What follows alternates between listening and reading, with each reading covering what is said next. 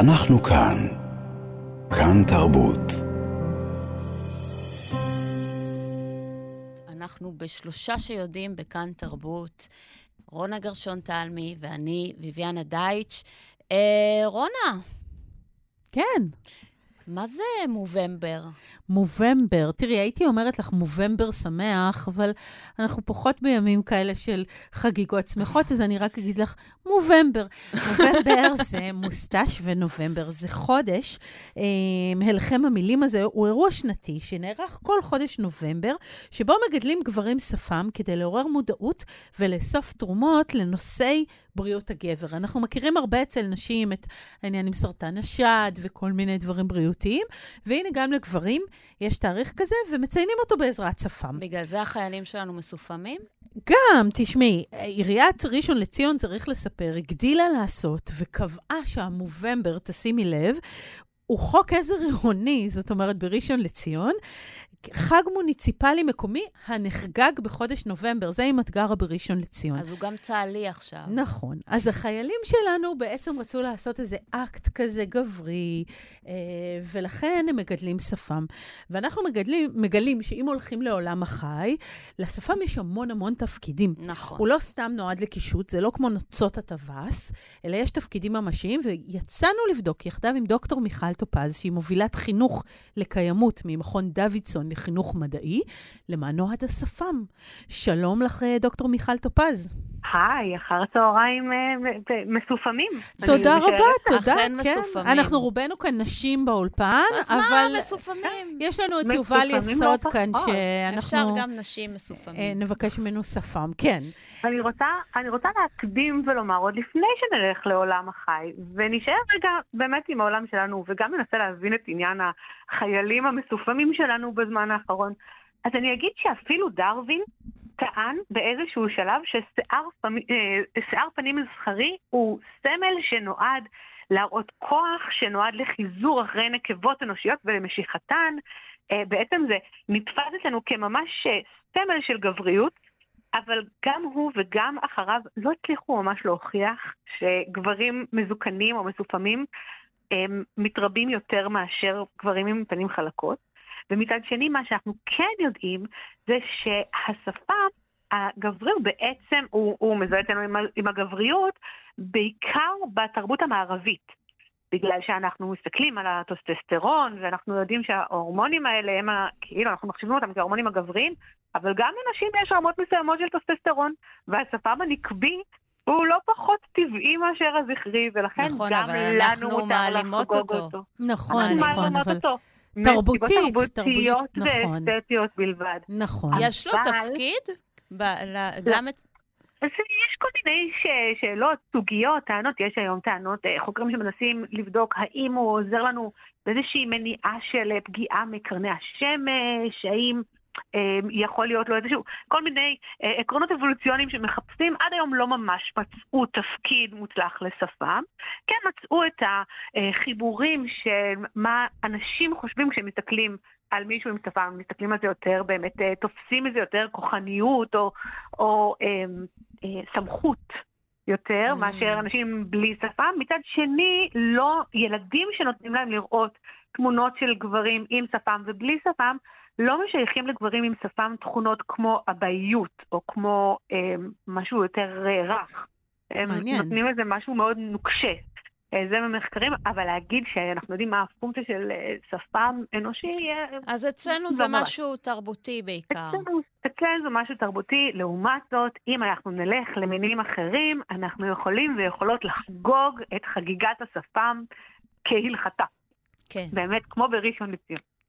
אה, אז יש לנו, יש לנו המון המון סוגים של שפם, ובאמת, בשונה מזקיקי שיער רגילים, הזקיקים של השפם, אצל ביונקים אחרים, אצל רוב בעלי החיים, הזקיקים של השפם הם יותר עמוקים, ובבסיס שלהם יש מאגרי דם זעירים שמוקפים בתאי עטב, שמאפשרים בעצם לבעל השפם להבחין ממש בתנודות קלות של השערה, אה, דרך התחושה של הנוזל בתוכם.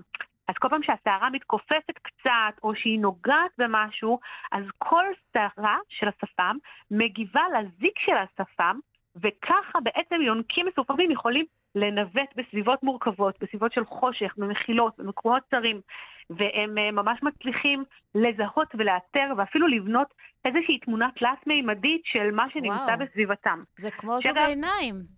זה ממש כמו זוג עיניים, זה ממש משמש לנו, להם לחישה, אה, ולמרבה הצער של היונקים שהם אנחנו, אז לשפם האנושי אין את הזקיקים המיוחדים האלה. אצלנו זה סתם שערות רגילות, ואנחנו... חבל, זה היה יכול להיות לעזור, כי לחוש. קראתי שלמשל. חתולים עיוורים אה, משתמשים בשפם, יש להם שפם ארוך במיוחד, כי הוא מחפה על משהו בזה שהם לא רואים, אז זה מאוד נכון, מאוד נכון יעיל. מאוד.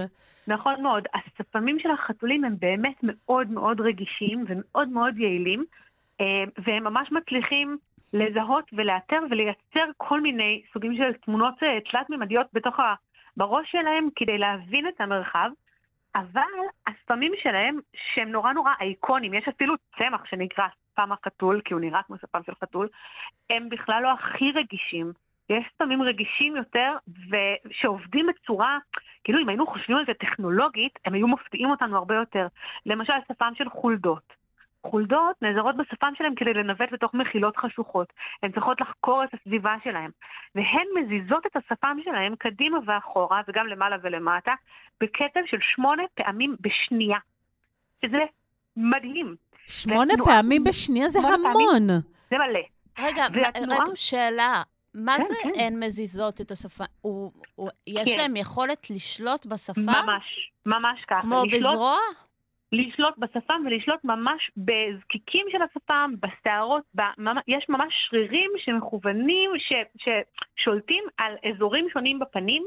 יש להם שפם, גם כמו שאנחנו חושבים, בין האף לשפה, אבל גם בלחיים, ובעצם יש ממש שרירים שמאפשרים לשלוט בתנועה של וואו. השפמים. והדבר הזה הוא ממש מיוחד, הם גם יכולים להזיז שערות שונות לצדדים שונים, כדי בעצם לתת איזה טווח מאוד מאוד רחב. ובתוך המחילות הן מסתמכות כמעט ורק על התנועה של השפם, הרבה יותר מאשר על הראייה שלהן, למרות שהן רואות לא רע, אה, כי הן מצליחות ליצור לעצמן תמונה תלת-מימדית הרבה יותר טובה של המרחב. אז זה מדהים, חבל שאי אפשר להשתמש בהם עכשיו במנהרות אה, בעזה או במלחמה. חבל אה, שכן, שאין לנו שהם- שפם. כן, כדי זה- שהם יעזרו לנו לזהות אותן ולראות לאן הן מגיעות. זה ממש נכון, ואני כן אומר שיש חוקרים אה, מתחום הזואולוגיה והרובוטיקה שמנסים בעצם לייצר רובוטים בהשראת הספמים של החולדות, אבל יותר מזה, בהשראת הספמים של החדפים. כי אם חשבנו שהשפם של החולדה הוא ממש ממש יעיל בשמונה פעמים בשנייה, אז חדף, שהחדף הזעיר הוא אחד היונקים הכי קטנים בעולם, ובגלל הגודל שלו וחילוף החומרים המהיר שלו, הוא חייב לאכול כל יום יותר מאשר משקל הגוף שלו. וזה אומר שהוא צריך לאכול בערך פעם בשעה, אבל הוא אוכל אוכל כמו למשל צרצרים שהם בערך בגודל שלו עצמו. עכשיו הבעיה שלו זה שהוא, חוש הראייה שלו ממש גרוע. בניגוד לחולדות שאמרנו שהן מסתמכות על השפם למרות שהן רואות לא רע, החדף ממש רואה גרוע. אבל מה שהוא עושה זה פשוט משתמש בשפם שלו, והוא יכול להזיז את השפם, הם יכולים להזיז את השפם במהירות של 14 פעמים בשנייה. זה מדהים, וואו. זה בזמן המון. התגובה שהם מקבלים, מאבדים ומגיבים למידע שהם קיבלו מהשפם, הוא כל כך מהיר שהם מספיקים לתקוף חרק כמו צרצר, עוד לפני שהחרק בכלל הבין שהוא צריך להתחיל לברוח. איזו יעילות, איזו לברוח- יעילות. מדהים, מדהים. אז אבל זה- אה, כן, אל, אל, אלה ספמים נורא נורא יעילים, אבל יש גם ספמים חמודים. הספמים החמודים הם לא פחות חשובים. זאת אומרת, גם יופי וגם אופי, כן. גם יופי, גם אופי, אבל גם טענה אקולוגית. זה אוקיי. שלא רק אני לעצמי, אני וספמי לעצמי, אלא אני וספמי לחברה, לכולם. אה, וכאן אני מדברת בעצם על קופי התמרין הקיסרי. קופי התמרין הקיסרי הם מהקופים החמודים ביותר, מגיעים אלינו מדרום אמריקה. הם קטנטנים, בערך בגודל של כף יד, קצת יותר גדולים מכף יד, ויש להם שפם שהשם שלהם מגיע בכלל בסוג של, מסוג של איזה בדיחה, כי השפם שלהם נראה כמו השפם של הקיסר, קיסר גרמניה ווילהלם השני. אה, וזה התחיל כבדיחה ונדבק כשם, כשם רשמי. והשפם שלהם הוא מאוד מאוד ארוך ומאוד מאוד אה, כזה פלאפי, רך כזה. אה, והוא באמת משמש להם בעיקר לזיהוי פרטים בתוך הקבוצה, והשפם שלי יותר גדול ושלך יותר קצר וכזה. אבל חוץ מזה, הקופים האלה הם אוכלים פירות וצמחים, הם אוכלים פרחים והם שותים צוף. וכשהם שותים צוף של פרחים, יש חוקרים שטוענים שהם בעצם, כשהם עוברים מפרח לפרח, האבקנים נדבקים על, הפר, על הפרווה של השפם ועוברים לפרח הבא. והם בעצם מאביקים פרחים ממש כמו שעושים חרקים. שזה דבר מקסים בעיניי. נכון. גם אכלתי וגם תרמתי לסביבה האקולוגית. מקסים, בזה שלכלכתי את מקסים. הפרופטה. אז אנחנו, מסתבר שאפשר לדבר איתך על שפם כל השעה, אבל אנחנו חייבות לסיים, ורק נגיד שהמפיקה שלנו, תמר בנימין, מוסרת שהטרנד הזה של השפמים במערכה הנוכחית הוא לחלוטין הומאז' למראה של חיילי צה"ל במלחמת יום הכיפורים. זאת אומרת, זה 50 שנים למלחמה שפרצה בשישי לעשירי 73, וזאת הסיבה, זאת אומרת, החיילים של אמרנו, היום כן. אה, בעצם מתייחסים לחיילים של אז ולשדה הקרב של אז, וזה הופך את זה לעוד יותר חזק. זה לא רק העניין הזה של להיראות גברי, אלא יש פה ממש ממש מחווה שלמה. באופן ואנחנו- כללי אמרנו שאצלנו הסיפור הזה הוא תרבותי. אה, נכון, ו- נכון. וכו'. דוקטור מיכל אנחנו טופז. מאחלים להם שיהיה להם רק הצלחה כמו כל הספמים שבעולם. אמן, ממש אמן. ממש, אמן. אמן. דוקטור מיכל טופז, מובילת חינוך לקיימות במכון דוידסון לחינוך מדעי. תודה רבה לך על השיחה הזאת. תודה רבה. תודה, תודה. אנחנו כאן. כאן תרבות.